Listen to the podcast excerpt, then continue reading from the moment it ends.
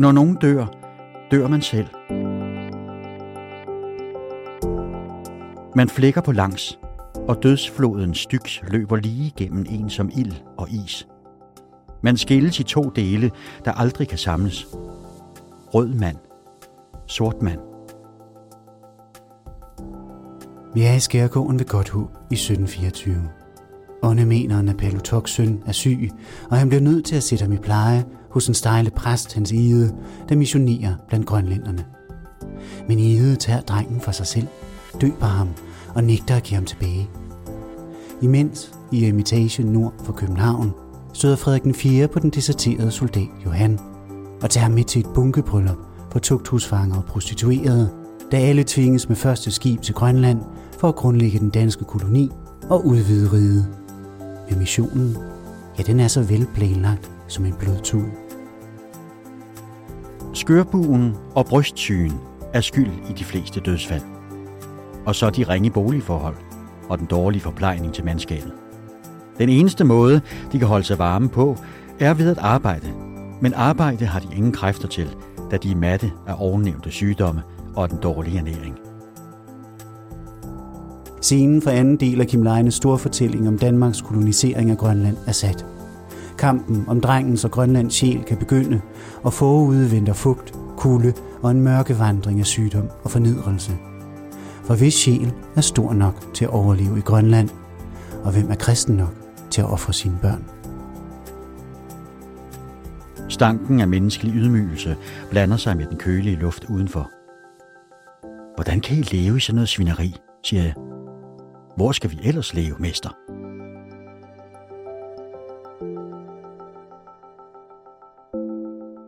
I dag vil vi søge sammen med Kim Leine mod Grønlands storslåede natur, men også mod mørke og menneskelig råhed. Og det er ikke en rejse, man skal tage på alene, så jeg har også inviteret to gæster ind til at følge mig lidt på vej, og måske holde modet og måske endda håbet lidt oppe. Jeanette Warberg, velkommen til dig. Tak skal du have. Du er arkeolog og forfatter, tidligere museumsinspektør ved Moskov Museum og i dag ved Nationalmuseet. Og så kender lytteren dig måske gennem din videnskabsformidling, som du blandt andet har fået Rosengærprisen for. Det kan være fra tv-udsendelsen Historien om Danmark, eller fra en af dine bøger, den, en af de to bøger, der er bag Historien om Danmark, eller bogen Mennesket er altid andre, som ligger her foran os. Og Jeanette, hvad er dit forhold til Grønland? Jeg har altid set Grønland som sådan et øh, meget, meget specielt sted inden for mit studie af for eksempel vikinger. Der ved vi, at det er det sted, hvor øh, nordboerne og vikingerne nåede længst op. Og, og det her, det her store, vilde land, som øh, skandinavierne kom til og var i i 500 år, og så forsvandt de igen. Øh, så det er en af de her store gåder inden for mit fag arkeologi, det er rent faktisk, hvor blev de her mennesker af? Vi har 500 ruiner, der ligger rundt omkring i den vilde og barske grønlandske natur, men vi aner ikke, hvor de blev af. I sidste år, der rejste jeg rundt med min øh, familie, mine børn og min mand, og så de forskellige ruiner rundt omkring i Vildmarken. Så øh, jeg øh, holder meget af Grønland, men jeg har ikke den her store, stærke tilknytning til den, som mange har. Og Martin Brøm, velkommen til dig. Tak. Du er journalist og forfatter, tidligere mange år i vært på Deadline på DR2 og politisk reporter ved TV-avisen og Information. Men i dag koncentrerer du dig primært om Arktis og rigsfællesskabet mellem Danmark, Færøerne og Grønland, hvor du udover en hvad det dokumentarserie på DR om rigsfællesskabets historie, har skrevet tre bøger, hvor den seneste ligger over hos Janette, så hedder Hvis Grønland river sig løs. Og hvor stammer din store optagethed af Arktis og Grønland fra? Oh, det ved jeg snart ikke, men jeg, jeg synes, det er rigtig vigtigt, alt det, der foregår i den arktiske del af verden i øjeblikket. Øh, det har stor betydning for alle, der bor i Danmark. For første gang i menneskets historie er et helt nyt ocean ved at åbne sig. Man kan nu sejle nordpå til Kina, det har man aldrig kunnet før. Øh, og midt i det, der ligger så øh, rigsfællesskabet, altså Grønland og Danmark, og det er klart, hvordan det udvikler sig, det har jo kolossal betydning selvfølgelig især for folk, der bor i Grønland, men, men også rigtig stor betydning for øh, folk, der bor i Danmark. Og her øh, er det vigtigt for mig at få sagt, at jeg er hverken øh, tilhænger, forsvarer eller øh, bekæmper af det eksisterende rigsfællesskab. Jeg har ikke rigtig nogen mening om, hvorvidt Grønland og Danmark bør hænge sammen, som det gør i dag mm. eller ej. Men jeg er optaget af den manglende demokratiske diskussion, om de her temaer, fordi der bliver jo truffet rigtig mange beslutninger om, hvordan skal Grønland udvikle sig, hvordan skal vi forholde os til hele øh, klimadebatten i Arktis, isen forsvinder osv. osv. Rigtig mange beslutninger bliver truffet, men der er ikke rigtig nogen diskussion om det i Danmark, fordi der er uendelig få, som for alvor kender til substansen, af og derfor så bliver beslutningerne truffet i det, vi sådan på godt dansk kalder et demokratisk vakuum, øh, og det synes jeg er problematisk. Så, så det er sådan min, øh, min interesse i Grønland. Og så er jeg bare dybt fascineret af det, Jeanette siger, det her med, hvor blev nordboerne af? Mm. Altså, jeg har jo også fundet ud af i de seneste år, øh, hvor jeg har beskæftiget mig om det her, og skrevet bøger om det, og så videre, og lavet tv om historien, at uden øh, indsigt i den historie, som Kim Leine også beskæftiger sig med, jamen så forstår man ikke, så kommer man ikke ind til kernen i alle de dilemmaer og problemstillingen øh, om Grønland og Danmarks øh, sammenhæng. Mit navn er Jon Tuko Jeg er redaktør ved Gyldenlæs Bogklub, og jeg er svært i dagens podcast. Velkommen til.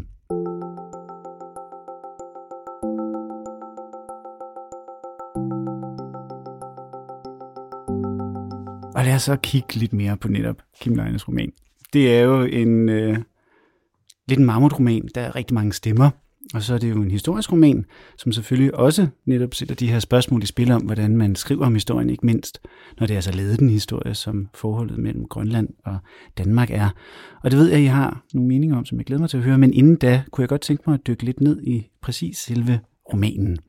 Fordi der er jo flere spor at følge her. Der er menneskets forhold til naturen, menneskets forhold til det eget, til dets egen krop, den her både forræderiske, men også nydelsesfulde kødelighed, der er, der er forholdet til andre mennesker med potentiale for inderlighed og afstumpethed, kulturmødet, muligheden for, hvordan vi undertvinger hinanden.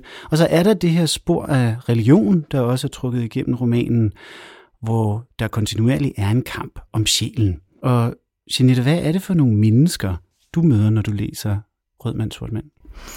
Jamen, så er det et, nogle jeg vil sige, øh, et forsøg på at vække nogle historiske personer til live, set gennem Leines hjerne.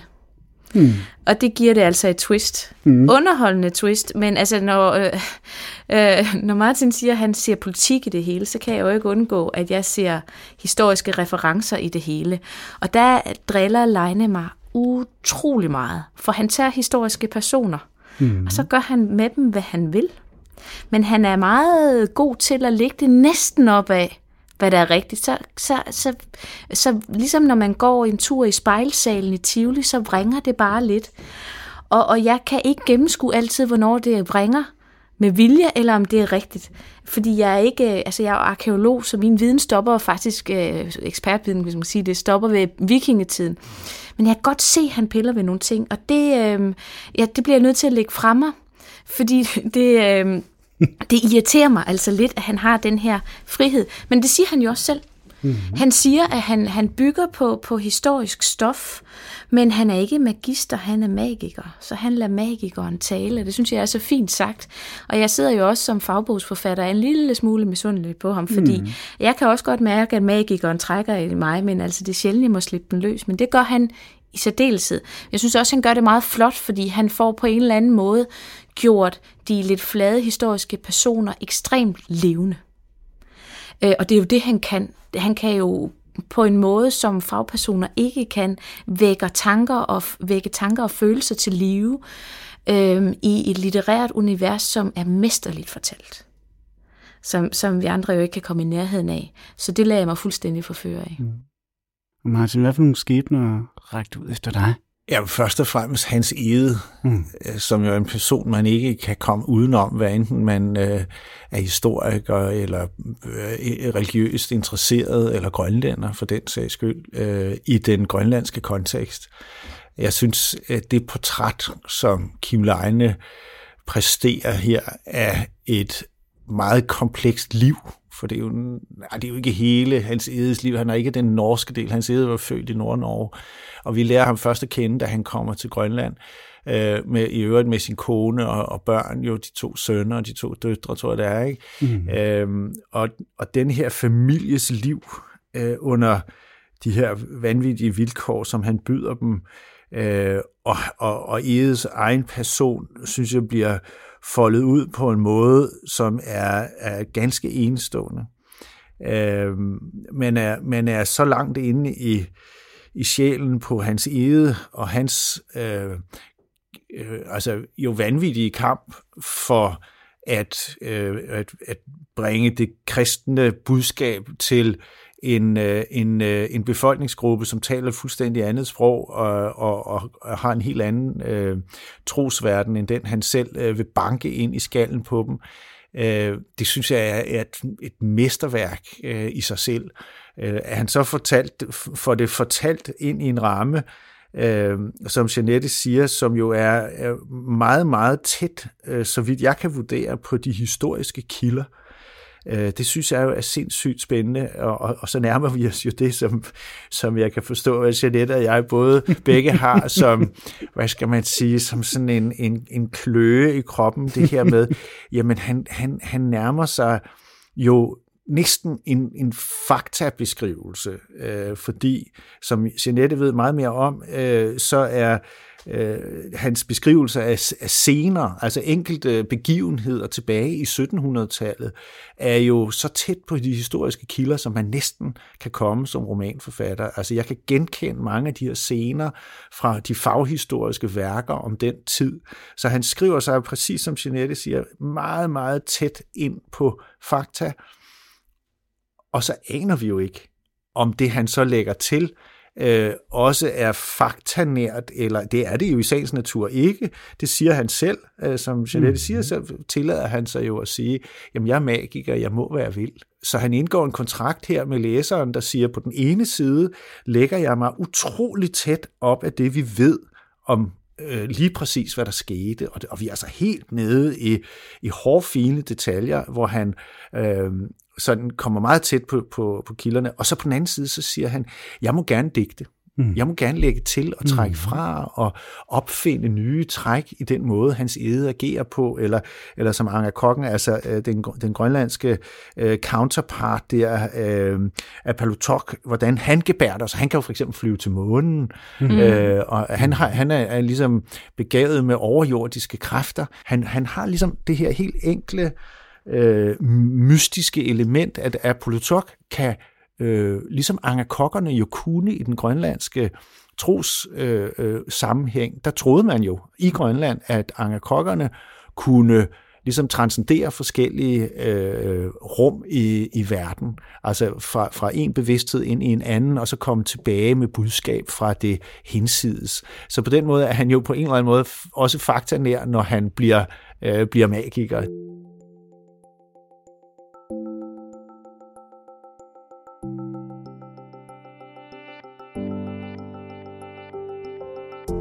Jeg er Apalutok, den røde.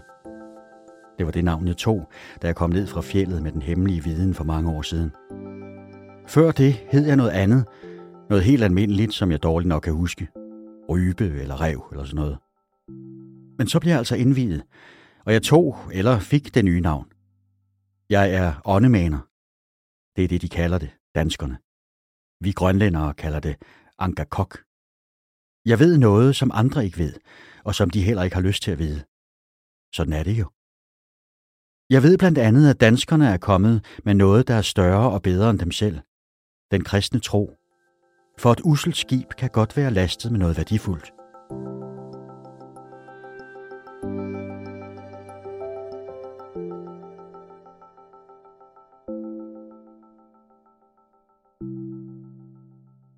Ja, fordi, Jeanette, hvis, hvis vi kigger på de her menneskeskæbner, så er der jo de klare hvad det hedder, historiske referencer til begivenhederne, der sker. Men hvordan, hvordan kommer vi tæt på, hvis vi starter med dem, og så lige går op til lidt større derfra, enkelskæbnerne?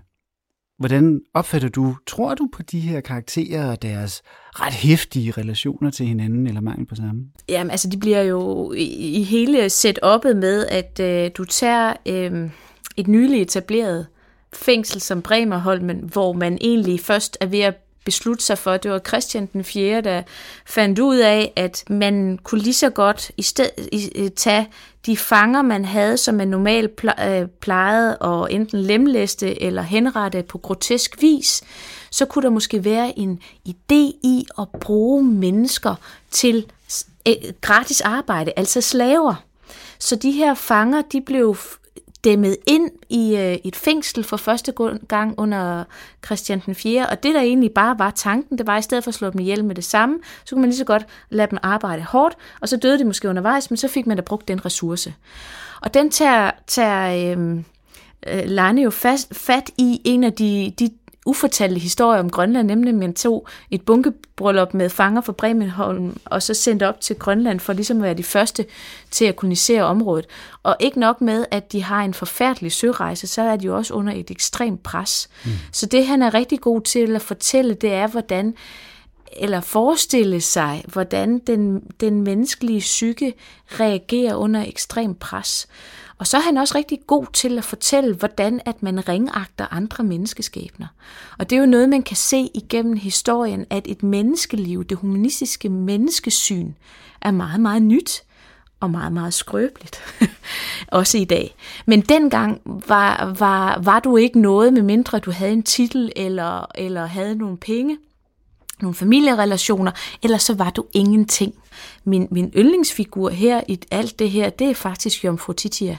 Mm. Den her stakkels kvinde, der, lever, der lider epileptiske anfald, og så er man blevet placeret i katolsk kloster, hvor hun er blevet tævet hver gang, og hun har fået et anfald, og så ender med at, at komme med til, til Grønland, hvor hun også lider en mærkværdig skæbne.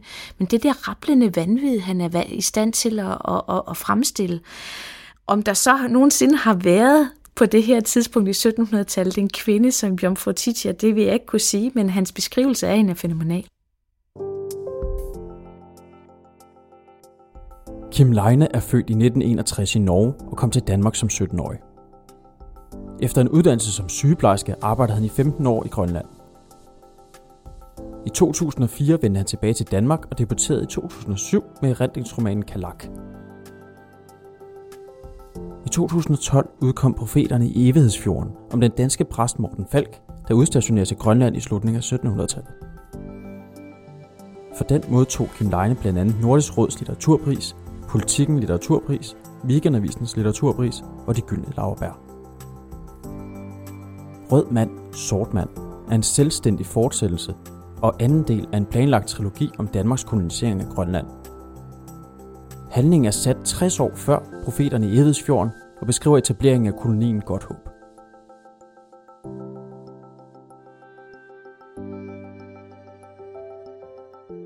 da vi snakkede sammen, Martin, så virker det som om, at den her enorme, meget sådan kropslige udsathed, som vi jo også bliver præsenteret for, den store, sådan, altså den nærhed til både død og sygdom og snask og blod og slim, som er, var i hvert fald noget, du øh, murrede dig ret meget med, eller lod dig rive med af. Det tror jeg, det er jo et, et kendetegn ved, ved, ved begge de to romaner nu om Grønland fra Kim Leine. Han er jo ikke sygeplejerske uddannet øh, for ingenting. Altså, der, der er, øh, lad os bare nøjes med det, der er rigelige kropsvæsker i den her bog. Det var der jo også i, i Profeterne i Evighedsfjorden. Det er rigtig godt beskrevet. Der er jo nogle situationsbeskrivelser her, hvor man tager sig til hovedet. Og igen vil jeg sige, at det svarer sådan set til den oplevelse, jeg havde, da jeg læste øh, øh, faghistorie om lige præcis det her med straffefangerne og øh, de prostituerede, som bliver tvangsgiftet og flyttet til Grønland, og så de vilkår, de bliver budt øh, der, hvor de skal øh, befeste den nye koloni i Godthåb, øh, som, som slaver for guvernøren der, guvernør Pors. Øh, det svarer sådan set meget godt til det fagbøgerne øh, indeholder af beskrivelser af, hvilke vilkår de blev budt deroppe, og hvordan de frøs ihjel, og hvordan de fik børn med hinanden selvfølgelig, og hvordan børnene døde på stribe, og kvinderne døde på stribe, og mændene døde på stribe, og så videre. Øh, så, så her får han jo så også draget nogle skæbner ud, der er soldaten, som vi hørte ganske kort i din egen indledning, og, og den kvinde, som han jo så bliver gift med, som tilfældigvis er hans egen kæreste øh, hjemme i Danmark. Det er de to eneste, som bliver gift mm-hmm. med mhm. hinanden af kærlighed. Og holder. Midt inde i det her... Øh, i det her bunkebryllup. Og det lille ægteskab kører jo også som sådan en lille bitte rød tråd et eller andet mm. sted i bogen. Og, ja, og som du siger, det ægteskab holder.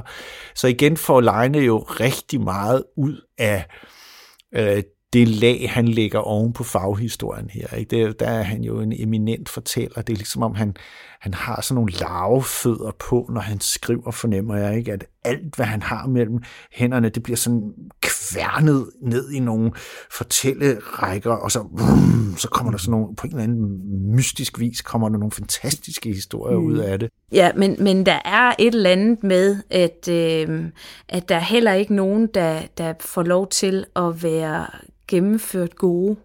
Altså, Nej, der, der er den her øh, djævelske mani med, og hele tiden, hvis man bliver lukket ind i, at der er nogen, man kommer til at holde af, så får de lige et twist eller et skub mm. i en retning.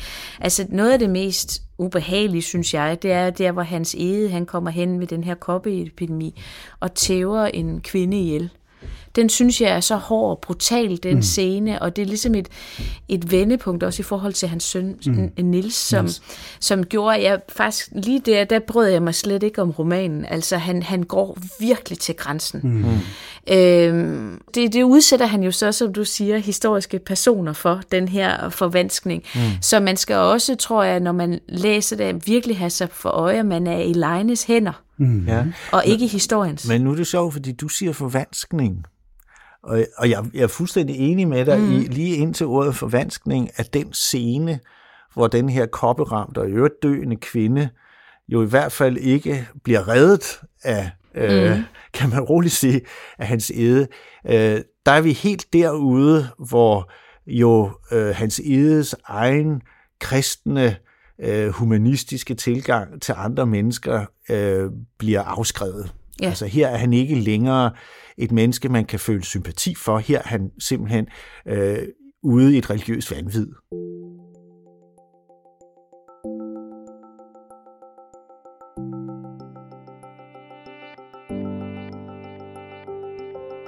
Hvem er du? brøler Ede. Sig dit navn. Kvinden begynder at jamre. Ede gentager. Sig dit navn. Sig dit navn. Tornasuk, siger kvinden. Jeg er Tornasuk. Ha, siger Ede. Tror du, du kan narre mig? Nils har siddet på den store briks og set det hele med en blanding af skræk og fascination. Hans far har rusket hæftigt i kvinden. Han har tæsket løs på hende med korset som knogjern, og hun er endt med at ligge sammenkrummet med armene beskyttende over hovedet. Så har han sat sig oven på hende med hele sin kropsvægt, han har reddet hende, som om han korpulerede med hende. Han ser, at hånden med korset er blodig. Kæmpede du med djævlen derinde? spørger Nils. Ja, min dreng. Det var ham. Han finder skinken og skærer skiver af den og prøver den i sig. Ja, man får god appetit af det her.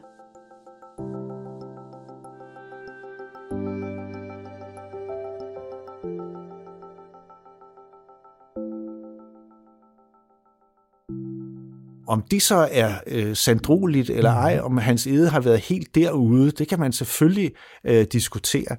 Og så er vi tilbage ved det, som jeg synes er det helt centrale, og som Janette meget præcist satte på plads til at starte med, at her tager Kim Leine sig jo kunstnerens frihed meget nært. Mm. Øh, og siger, jeg må, hvad jeg vil. Jeg mm. er magikeren, jeg er ikke magisteren. Det siger han jo selv i sit efterord i bogen.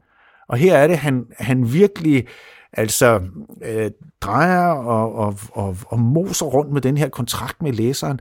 Er det i virkeligheden et forsøg på at forklare os, at kolonimagten, den danske kolonimagt i Grønland, var en brutal, ubehagelig og øh, øh umenneskelig øh, øh, størrelse, som til sider udartet til religiøst vanvid, øh, og som derfor er med til at begrunde, hvorfor grønlænderne selvfølgelig bør løsrive sig i dag. Nej, for hvad tænker du, Jeanette? Kan man ikke stå og have en sådan spænding? Altså, det, det, det klør i dig, når du læser romanen i forhold til at finde ud af, hvornår sker skiftene? Hvornår sker de her små forskydninger?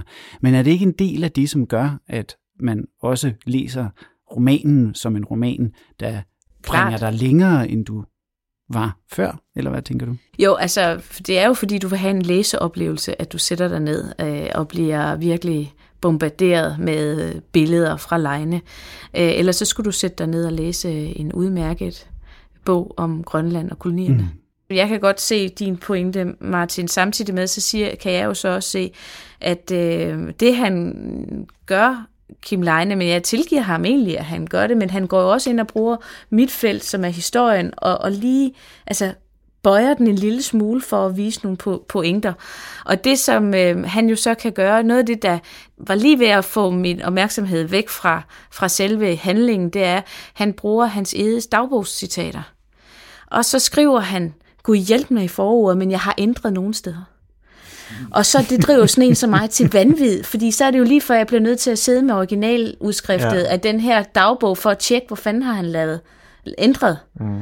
Øhm, så det der med, at han går ind og piller en lille smule og prøver at balancere mellem øh, politisk udtryk og en, en, en grundholdning til, hvordan det er at have Danmark som kolonimagt i forhold til grønlænderne, samtidig med, at han også trækker på noget historisk stof og ligger, ligger egentlig en utrolig, vi er jo ikke i tvivl om, at han har en fantastisk øh, begævelse for ord og menneskeskæbner, som også kommer ind over. Vi står tilbage med et værk, synes jeg, som jeg bare nyder at læse. Mm. Men jeg bruger det egentlig ikke rigtigt, i hvert fald det gør jeg ikke til at tage stilling til, hvad det vil mig historisk og politisk. Jeg ser det egentlig, som hvis det havde været en sci-fi-roman du bliver irriteret over, at han sidder og piller i ja. hans edes øh, dagbog og skriver fra den, og så alligevel ikke helt... Han, fordi han, han kunne da det mindste sætte en note på, der hvor han piller. Jamen, kan man ikke have noter i en roman? Det kan man da sagtens. Ja, skal man det? Altså, så, man, så læseren, altså, har man krav på det som læser, at man, man ved, når forfatteren bevidst fordrejer fakta fra gamle dage, hvis man læser en historisk roman? Ja, men nu har han jo også gjort sig så stor umage med at tjekke, faktatjekke den her Øh, så han bevæger sig jo på grænsen mellem det ene og det andet. Nej, han skal ikke sætte noter i, men altså jeg kunne godt tænke mig, når han sådan ligger ud og siger, at jeg har ændret lidt, at han så måske kunne løfte sløret for, hvor det er. Hvor det er. Fordi det er jo også interessant at se, hvor det er, han skubber til, hvor han ikke synes, at virkeligheden er interessant nok, eller hvad det er, der egentlig gør, at han synes, at han skal ændre lidt på historien for at mane en karakter frem.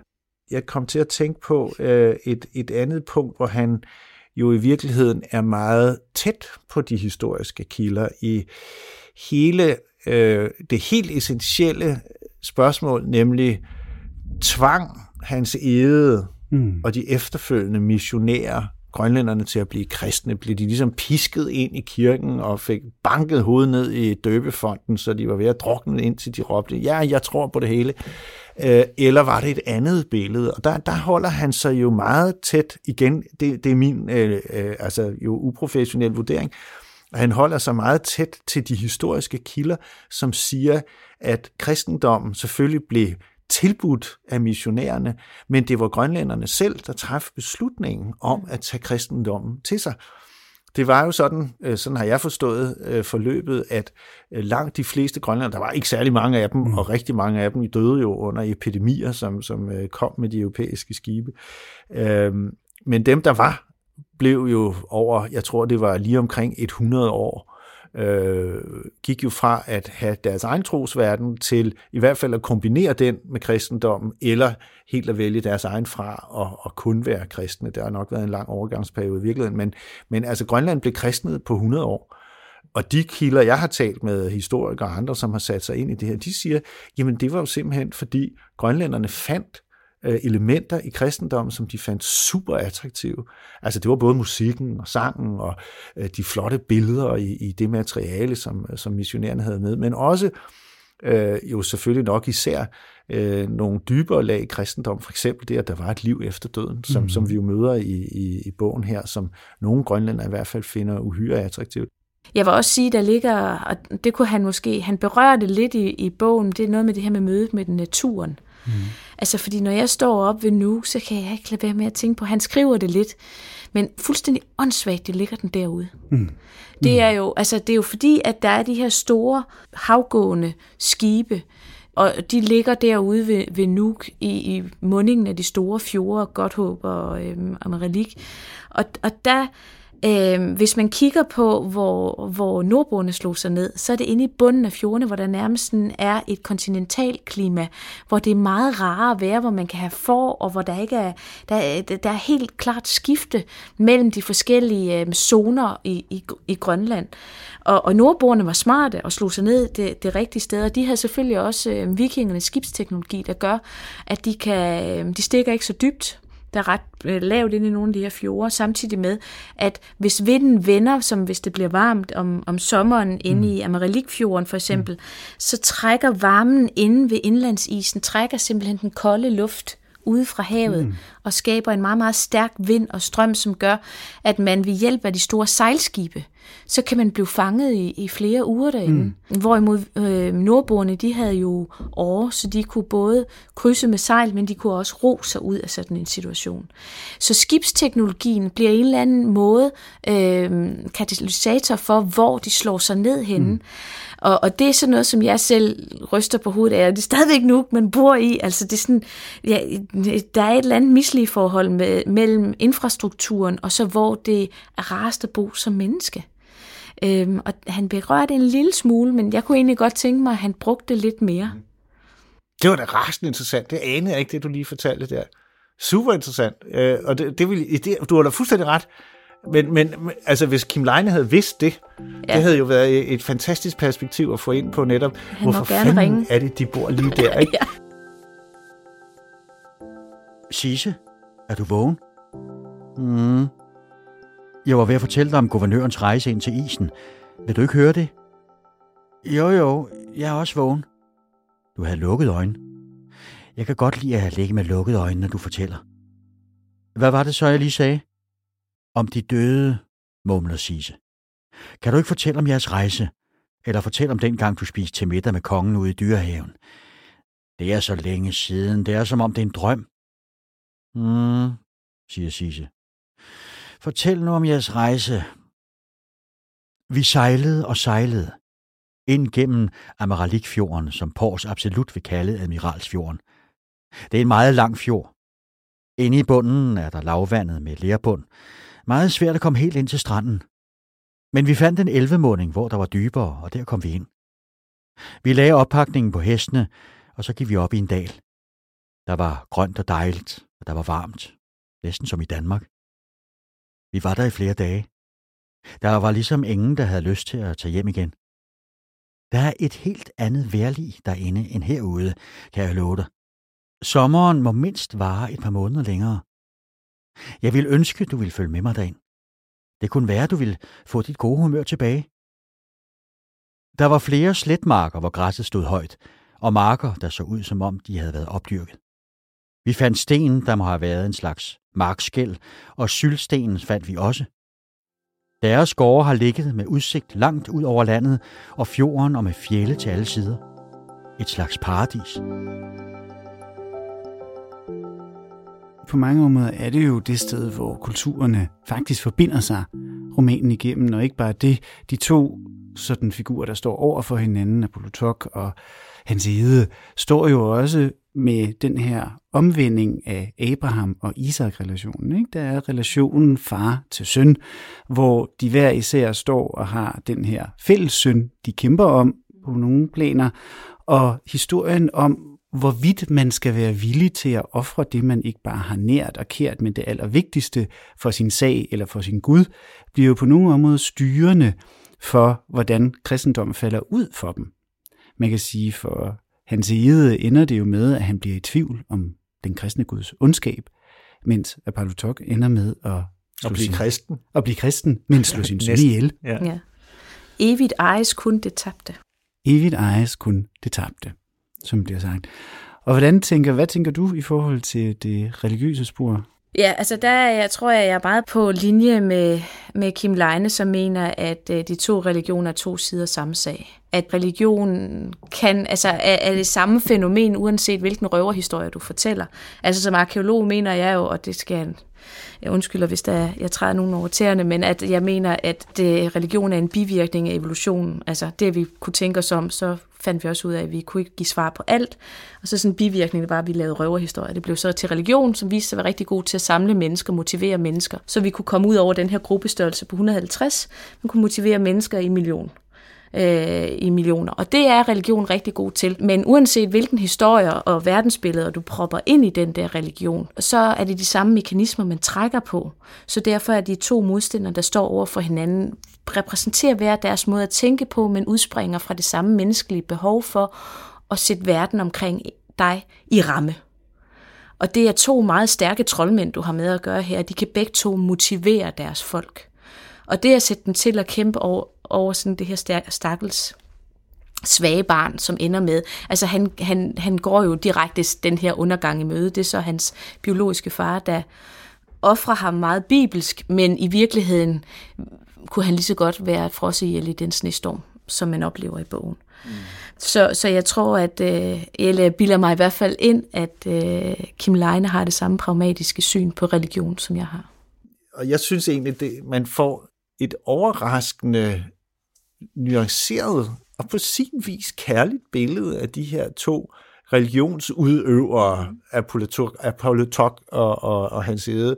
Altså en, der repræsenterer jo et meget fleksibelt øh, øh, udgangspunkt i den, i den førkristne grønlandske tro, og, og tager jo i for han, altså Apollotok tager jo i for sig kristendommen til sig, øh, og i hvert fald en del af dogmerne accepterer han og, og, og finder behag i. Øh, helt det samme kan man ikke sige om, om, øh, om hans edes tilgang til den grønlandske tro, fordi han er jo, er jo, er jo, er jo fanatisk øh, lutheraner, øh, men bliver jo alligevel fremstillet ind til det her punkt, hvor han altså går amok øh, og, og, og bliver tosset øh, øh, synes jeg på sæt og vis kærligt. Altså han er jo en benhård hund. Øh, han slår, og han har meget, meget svært ved at have sin kone inde i hjertet, øh, men så alligevel er hun der jo, når han har det allersværest. Ikke? Så, så, så er der jo en kærlighed til, til Gertrud, og også til, til børnene, øh, som han tugter selvfølgelig, for det gør man jo, ikke,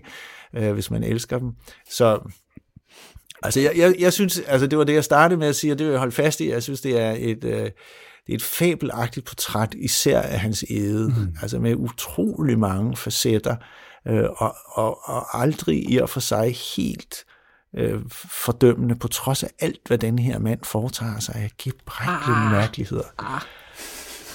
Altså. Jeg, ikke, jeg, jeg synes ikke, at han lægger ham helt fra sig. Nej, det gør han ikke. Han giver sådan nogle ting, men han, han giver ham godt nok alle øh, de her usympatiske sider, man kan tillægge en mand i 1700-tallet. Også det der kvindesyn, ja. som han lægger på. Det der ja. med, at han stjæler sin kones værk, fordi han har svært ved, at hun er klogere end ham, ikke?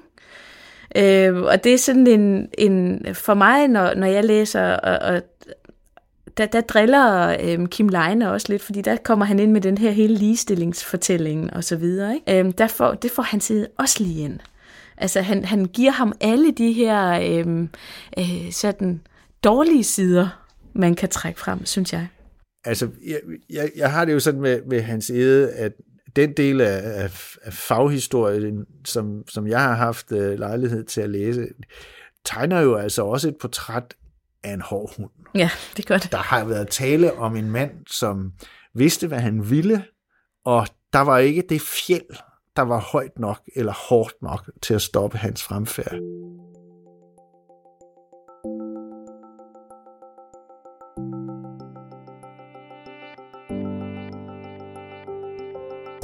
Ede fnyser bare. Han hopper videre, vender sig om. Hvis I skal være mig til nogen nytte, må I lære at gå frem over for de indfødte med fast hånd. Ingen frygt, ingen blødhed, ingen noget. De skal tugtes. De er koldblodige som kakelakker, men de lader sig let kue. Brug pisken, hvis det er nødvendigt. Eller vift dem bare om næsen med den. Det er som regel nok. Nu stopper han op på en top, står og balancerer uden at vakle. Han hviler staven på skulderen. Vinden får hans lange frakke til at blafre og på ryggen til at bølge. Han venter til de to unge præster når op til ham, så slår han kort ud med staven, som om han viser dem et kosteskab, hvor de kan stille deres ting. Barles revir, opkaldt efter en englænder. De to præster står ved siden af ham og kigger på udsigten. Fjorden og dens bifjord strækker sig 15 mil ind i land, siger Ede. Derefter spærrer isen for videre fremfærd. Kan ikke forseres. Det siges, at der bor folk på den anden side, siger Lang. Nordmænd. Djævledyrkere, knurrer Ede. Måske bedst, hvis de er uddøde. Hvorfor har vi ikke hørt livstegn fra dem i flere hundrede år? Hvorfor har de ikke vist sig på denne side af landet? De er jo dog kendt for at være glimrende søfarer. Ja, det er et godt spørgsmål, siger Mildsov beredvilligt. De dyrker djævlen, siger Ede med et snedigt grin. Derfor holder de sig skjult. Jeg ved ikke, hvad der er værst. Koldblodige og svinske indfødte eller forhærdede papister.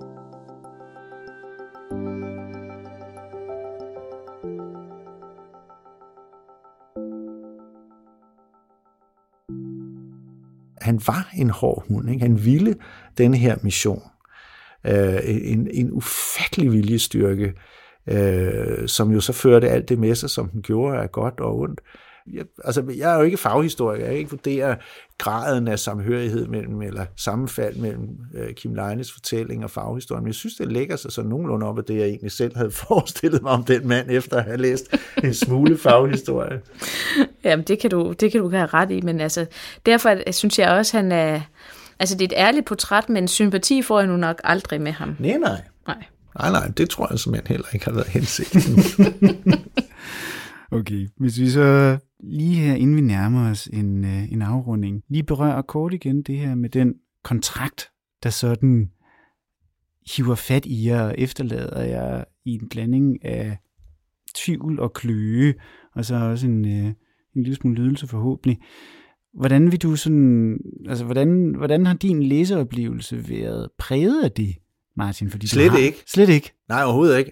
Altså, Nej. fordi jeg æder øh, sådan en roman her, øh, mens jeg bare har en fabelagtig oplevelse. Ja. Øh, og det er først bagefter, når jeg så, så sidder og skal blive professionel og skrive om den i aviserne og Ja. sådan noget. Ikke? Øh, så begynder jeg at tænke de her ting igennem, men, men jeg kom meget langt som ren øh, banal romansluger, mm. inden jeg begyndte at tænke over alle de her ting. Men, men selvfølgelig var jeg opmærksom på det, jeg, jeg, øh, fordi jeg synes som sagt, at det er sindssygt vigtigt øh, at, at øh, forstå omfanget af Kim Leines betydning som Mhm. en, der får danskerne til at tænke over relationen mellem Danmark og Grønland. Og det synes jeg er enormt vigtigt. Mhm. Næsten uanset hvad det er, han fortæller, så animerer han øh, jo et kæmpe antal. Nu kender jeg ikke salgstallet på den seneste her, men vi taler jo altså rigtig, rigtig mange gange 10.000 danskere øh, og et kæmpe publikum i udlandet, som her bliver ansporet til at spekulere over, hvad var det egentlig, der skete? Mm. Hvad betyder det, at Grønland er en del af det danske rige? Hvad betyder det, at danskere og nordmænd kom til Grønland og introducerede kristendommen og i øvrigt handlen, øh, øh den, altså den her kongelige grønlandske handel, som det hele jo øh, står og falder med, og, og, og luder og, og, og voldsforbrydere og så videre. Hvad har det betydet for det grønlandske samfund? Hvad siger det om os som nation? Hvad siger det om den relation, der er i dag? Og som jeg startede med at sige, så er det jo sådan set grunden til, at jeg beskæftiger mig nu øh, på fuld tid med journalistik, øh, bøger, foredrag og artikler osv. Om, om, om det arktiske. Det rækker lidt ud over øh, forholdet mellem Grønland og Danmark, men det er en central del af det, jeg beskæftiger mig med. Og det gør jeg simpelthen, fordi jeg synes, det er sindssygt vigtigt, fordi der er alt for få mennesker, der ved noget om det. Og her kommer jeg jo aldrig i nærheden af det publikum, som Leine har. Og Jeanette, hvad tænker du? Du siger, at det er som at læse en science fiction roman. Men er det nærmest lidt hårdere for historikeren, eller er det en større nydelse at læse historiske romaner, tror du, end den almindelige læser? Nu er jeg bare meget, meget stor fan af Kim Leines måde at skrive på. Så først og fremmest, så lader jeg mig bare overvælde af den sanselige brug af ord, han har. Altså det der med at se- stykke en, en, en personkarakteristik så genial sammen, og så overraskende, og alligevel komme hen og røre det der kropslige, han har, men også den der øh, det der blik for de menneskelige relationer, som han jo gør så ekstremt godt, men også så overraskende. Vi behøver jo ikke her normalt, så hvis man læser krimier, så får man sådan, så, så jo mere grotesk mordet er udført, jo bedre er krimien for nogen. Ikke? Her der er det jo de groteske personer på en eller anden måde. Han, han går dybt ind i menneskesindet og, og tager mig med, og på den måde øh, klør det min hjerne rigtig godt. Han går så ind i en historisk periode, og så nogen, altså så har jeg så en gang imellem, hvor jeg lige sådan kommer op til overfladen og trækker frisk luft ind og tænker, hvad, hvad mm. laver han egentlig lige her? Mm. Og så lader jeg mig overvælde igen og synker mm. ned. Det var en kæmpe læseoplevelse, og, og så vil jeg sige, så er der jo lige de der procent af mig, som, som jeg også, Martin også siger, som er professionel. Det kan jeg jo ikke rigtig lade være med. Altså, jeg prøver at jeg, jeg, privatpersonen Jeanette læser den her, men så en mm. gang imellem så popper den her øh, arkeolog op, og, øh, som er vant. Ja, som egentlig gerne vil vide, hvor er det, du laver om, fordi det kunne jeg godt tænke mig at vide. Men det er småting i forhold til det, han egentlig giver. Så hvis vi allersidst her, inden vi nærmer os afslutningen, sådan lige skal opsummere bogen. Der, jeg tror ikke, der er sådan en, en, øh, en magiterning, man, man kan rive ned og sige, det var så den roman. Øh, men, men det, jeg hæfter mig ved som journalist, det er, at den her roman, øh, sammen med den forrige, altså Profeterne i Evighedsfjorden, og den, som øh, skal afrunde den her trilogi om, jeg tror, Kim Leine siger fire år, der kommer der endnu et mammutværk, og, og bliver altså øh, afrundingen på det her værk. På det tidspunkt, og jeg tror allerede nu, må vi sige, at Kim Leine er den person, der har fået danskerne til at tænke over relationen med Grønland i et omfang, som ingen andre siden Knud Rasmussen. Og det er altså lidt af en præstation. Jeg noterede mig, at anmelderne, altså de kloge litteraterne, dem der har forstand på litteratur, jo konstaterede, at det lykkedes Kim Leine at lave den svære tor på niveau med den første, der vandt, jeg ved ikke hvor mange priser, inklusiv øh, Nordisk Råds litteraturpris. Så vi, vi taler jo om litteratur på et meget højt niveau her. Og, og, og det synes jeg er fantastisk, at vi har en forfatter her i landet, som er i stand til at skrive om så centralt et forhold i vores historie på en måde, så så kolossalt mange øh, læser det. Og så er der jo bare at sige, hvor er det fedt, der kommer en træer. Mm. Altså jeg øh, tænker, at det er en voldsom god læseoplevelse. Men den er voldsom, men den er voldsom også ligesom landet på en eller anden måde. Eller nu for at mm. trække til den der natur, hvor du på en eller anden måde øh, øh, hvor døden er allestedsnærværende, hvis du ikke forstår at sætte din, din fod rigtigt. Og, og den der pointe med, at hvis du træder ud i et helt ukendt land, og ikke ved, hvad du har med at gøre, så er du fortabt med det samme. Det bliver beskrevet så, så fantastisk godt på en eller anden måde. Altså, når han rammer en følelse, som jeg tror går på tværs af tid også. Så der er også noget for mig at lære i, hvordan man skal beskrive en anden tid. Og så til aller, aller sidst, så kan vi jo godt lide at sende lytterne afsted med en anden bog, en anbefaling måske til en bog, hvis de vil prøve noget ganske andet, eller måske forlængelse af det her. Jeg ved ikke, har du en bog i tankerne, Martin? Ja, det har jeg. Øh, der findes en bog, som ikke er en roman, men øh, er lige så underholdende at læse som en roman, øh, som er på engelsk er skrevet af en øh, australsk øh, arkeo- øh, arktis-arkeolog, hvis der findes noget, der hedder det, øh, som nu er pensioneret, øh, som hedder The Last Imaginary Place, som omhandler hele den menneskelige historie i Arktis, og som beskriver guddommeligt, hvordan europæerne i bredere forstand øh, meget ofte landet i Arktis med øh, forvanskede forestillinger om, hvad det var, de ville møde, med helt overdrevne forventninger til deres egen formåen, og hvis ekspeditioner derfor ofte fejlede. Hmm. De var præcis ligesom øh, guvernøren Porses udrustning øh, og åndelig øh, formåen øh, i Godthåb, meget ofte øh, totalt ude af stand til at klare sig under de omstændigheder, øh, de øh, frejdigt havde øh, begivet sig ud i. Så The Last Imaginary Place er en bog, som jeg ofte vender tilbage til, og det ved jeg, at der er rigtig mange andre, som beskæftiger sig med den del af verden også gør. Jeg, jeg tænker på en i en lidt anden retning. Det er en, der hedder øh, Europas stjerne og handler om Erasmus af Rotterdam og skrevet af en, en svensk forfatterinde, der hedder Nina Burton. Hun holder sig på stregen til, hvor hun holder sig til de historiske fakta. Man skriver guddommeligt fantastisk om Erasmus og Rotterdam og hele oplysningstiden og bogpressens, øh, bogtrykkerens øh, betydning for Europas oplysningstid, og hvordan man begyndte at kunne trykke bøger. Hun gør lidt det samme som Kim Leine, men hun lader ikke magisteren tage over i samme grad. Så hvis man kunne tænke sig at læse noget historisk mm. litteratur, som, som holder sig inden for, for, for den smalle sti, men stadigvæk gør det formidabelt, så er hun et godt bud. Det var, hvad samtalen handlede om i dag. Mange tak, fordi I var med. Tak til dig, Martin. Selv tak. Og tak til dig, Jeanette. Det var så lidt.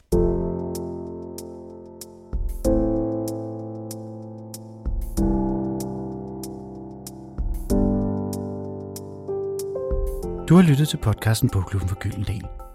Dagens afsnit handlede om Kim Leines Rød Mand, Sort Mand, og hvis du endnu har bogen til gode, så har du altid mulighed for at bestille den i din bogklub og få den leveret til din postkasse. Det sker på www.gyldendalsbogklub.dk Det her var 6. afsnit af Bogklubben.